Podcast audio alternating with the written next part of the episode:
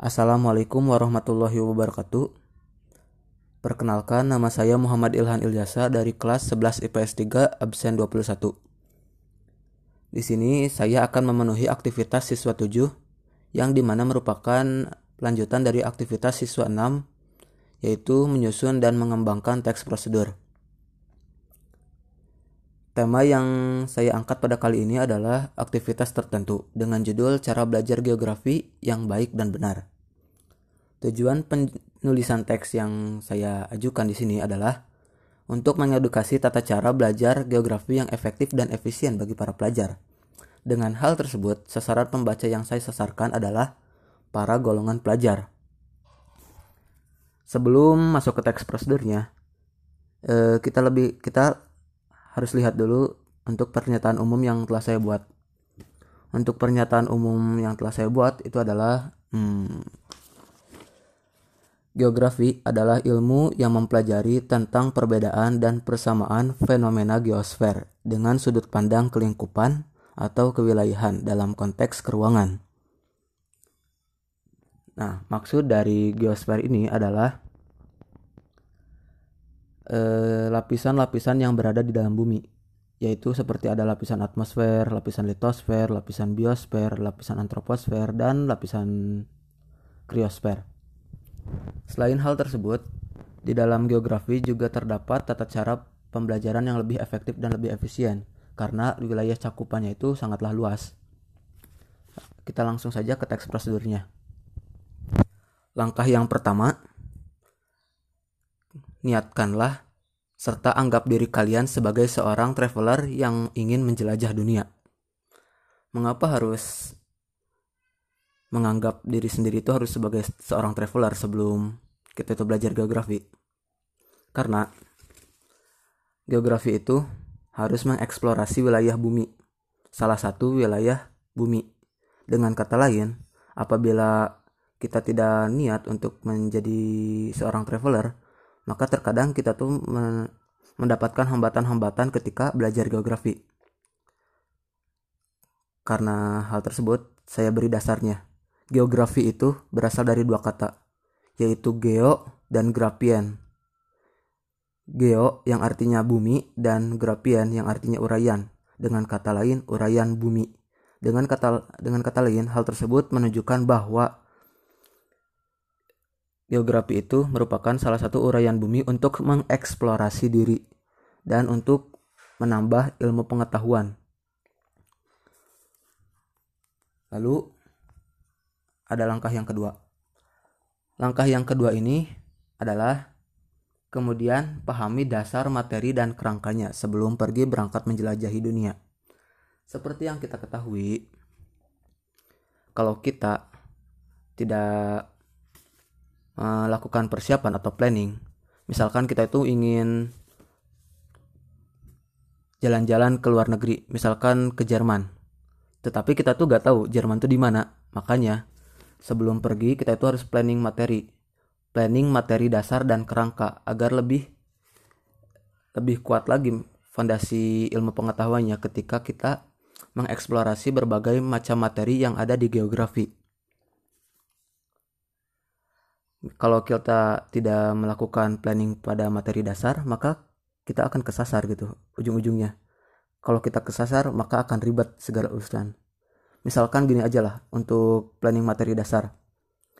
Cuaca adalah rata suhu suatu daerah yang meliputi wilayah yang sempit dan waktu yang singkat. Nah itu untuk materi dasar. Cukup aja segitu.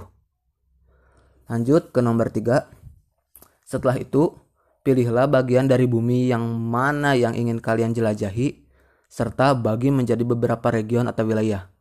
Misalkan begini, di peta dunia itu, benua itu ada enam.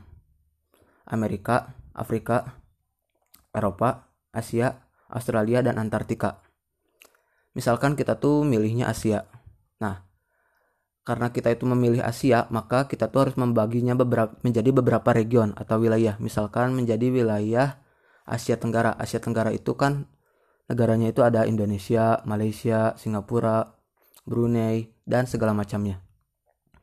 Dengan kata lain, ketika kita memilih salah satu wilayah dari region yang kita pilih dari bagian bumi mana yang ingin kita jelajahi, maka itu akan mempermudah eh, materi masuk ke dalam ke dalam otak kita dan dapat mencerna informasi-informasi yang terdapat di dalam region atau wilayah tersebut. Misalkan contoh, hmm, untuk Eropa, Eropa itu kan ada Eropa Barat, Eropa Timur, Eropa Tengah, Eropa Selatan, dan Eropa Utara. Kalau kita memilih salah satu dari kelima Eropa itu, kita memilih misalkan milih Eropa Barat. Eropa Barat itu ada Jerman, ada Polandia, ada UK, ada Benelux, ada Spanyol, ada Prancis dan Portugal. Ketika ketika hal tersebut kita olah, kita akan mempelajari sifat fisik dan sifat sosial yang ada di dalam wilayah tersebut agar lebih mudah untuk mencerna informasi. Dan lalu lanjutlah ke langkah keempat.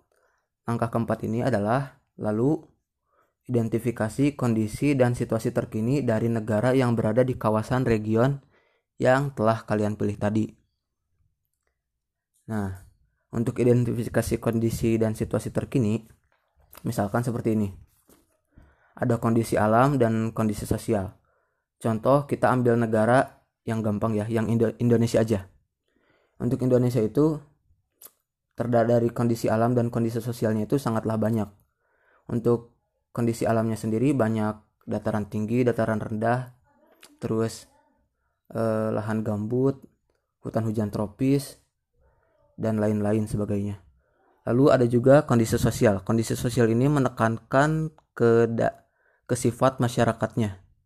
Untuk ke sifat masyarakat eh, agar lebih baik dalam mencerna atau melakukan penelitian terhadap masyarakat agar lebih mudah untuk memahami isi dari setiap kandungan yang ada di dalam suatu negara atau suatu wilayah region.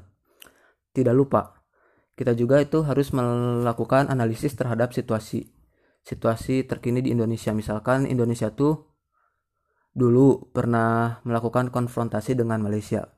Nah, itu akan menyebabkan gangguan nasional atau Indonesia tuh pernah krismon. Krismon tuh pada tahun 1998 yang menyebabkan uh, pelengseran Presiden Soeharto. Nah, misal, misalkan kayak gitu untuk membaca situasinya. Dan ketika kalau kalian melihat kondisi dan situasi suatu negara, jangan lupa untuk melihat politik yang terdapat di negara ataupun tempat pariwisata yang ada di suatu negara misalkan di Indonesia itu tempat wisata paling nyaman gitu Bali misalkan Bali kan udah terkenal sedunia dan juga masuk kancah internasional. Dengan kata lain, kita memanfaatkan hal tersebut untuk menganalisis ekonomi yang terdapat di dalam negara Indonesia tersebut agar lebih mempermudah e, proses pencernaan informasi.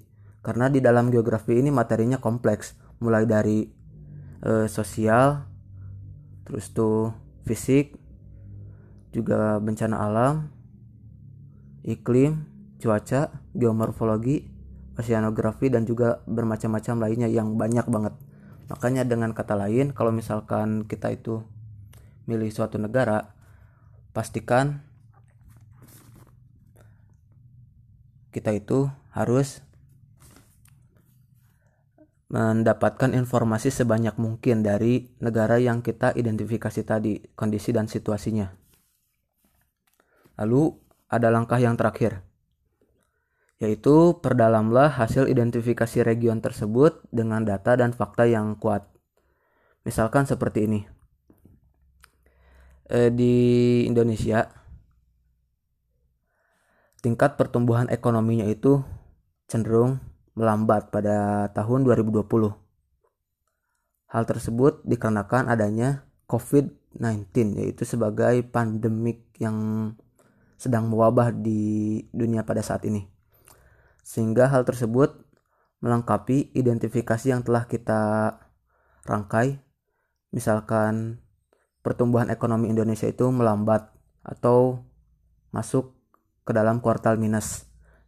dah dan dihubungkan dengan data dan fakta yang ada pada saat eh, kejadian itu terjadi yaitu adanya pandemi COVID-19 dan menurut saya eh, nomor 5 ini poin nomor 5 ini lebih menguras semangat dan konsistensi dalam belajar. Karena kita itu dituntut harus benar-benar full power dalam belajar dan juga berkaryanya gitu.